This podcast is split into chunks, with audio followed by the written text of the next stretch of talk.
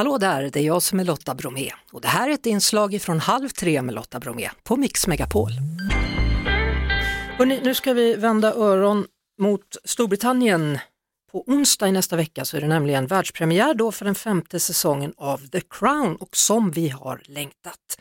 I London, i Teddington, finns vår favoritsvengelska Camilla Coates Carr. Jag säger hallå hallå! Hej Lotta! Hur är läget? Ja, läget är på alla möjliga sätt lite upp och ner här, både med Kungliga huset och politiken. Och, men i alla fall, det är sol här idag. Ja, det är alltid något. Du, nästa vecka så är det då premiär för den femte säsongen av The Crown. Hur är stämningen i Storbritannien? Ja, stackars kung Charles, han har ju en svår roll. Han måste ju efterträda drottning Elizabeth nu och nu kommer denna hemska serie som bara handlar om triangeldramat mellan Diana, honom och Camilla Parker Bowles. Så han har ju försökt att stoppa det här utan att lyckas. Så det är ganska ruskigt för dem faktiskt.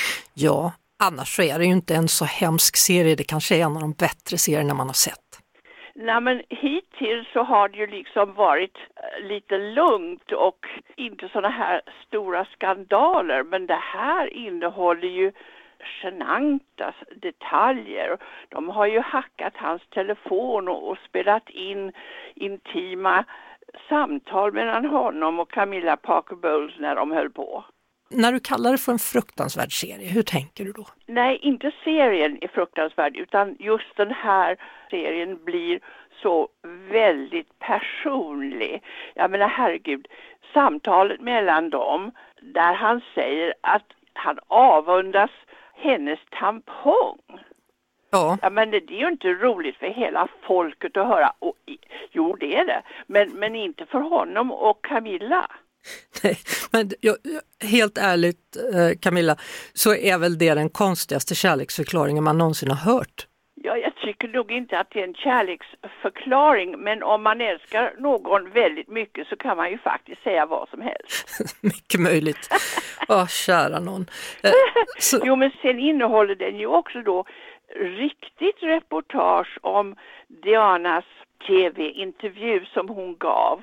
Och då är det ju dokumentär, ordentliga bilder när hon säger att det är tre stycken i det här äktenskapet.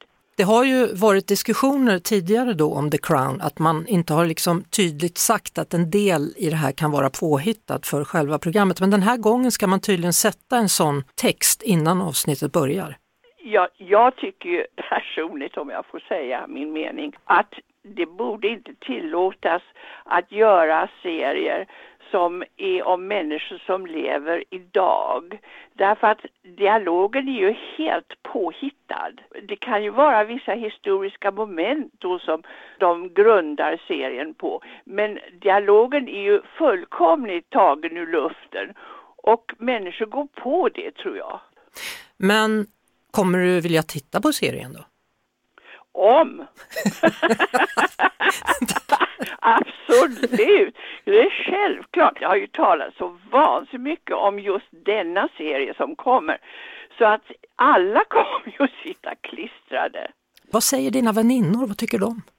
Vi kan inte vänta. De har bråttom att se det. Alla pratar om det. Ja du, tror du att de kommer eh, ha på tvn då på Buckingham Palace på onsdag eller? Alltså det måste de ju, jag, kan inte tänka mig annat. Vi lär ha stor anledning att återkomma till varandra nästa vecka känns det som Camilla. Ja, ja, absolut. Jag kommer att sitta på dagen och titta. Det är klart du kommer. Sköt om dig. Right. Hej, hej. hej, hej.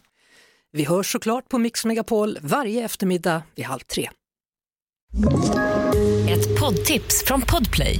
I fallen jag aldrig glömmer djupdyker Hasse Aro i arbetet bakom några av Sveriges mest uppseendeväckande brottsutredningar går vi in med hemlig telefonavlyssning och, och då upplever vi att vi får en total förändring av hans beteende. Vad är det som händer nu? Vem är det som läcker?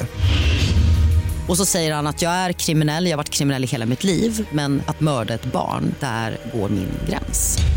Nya säsongen av Fallen jag aldrig glömmer på Podplay.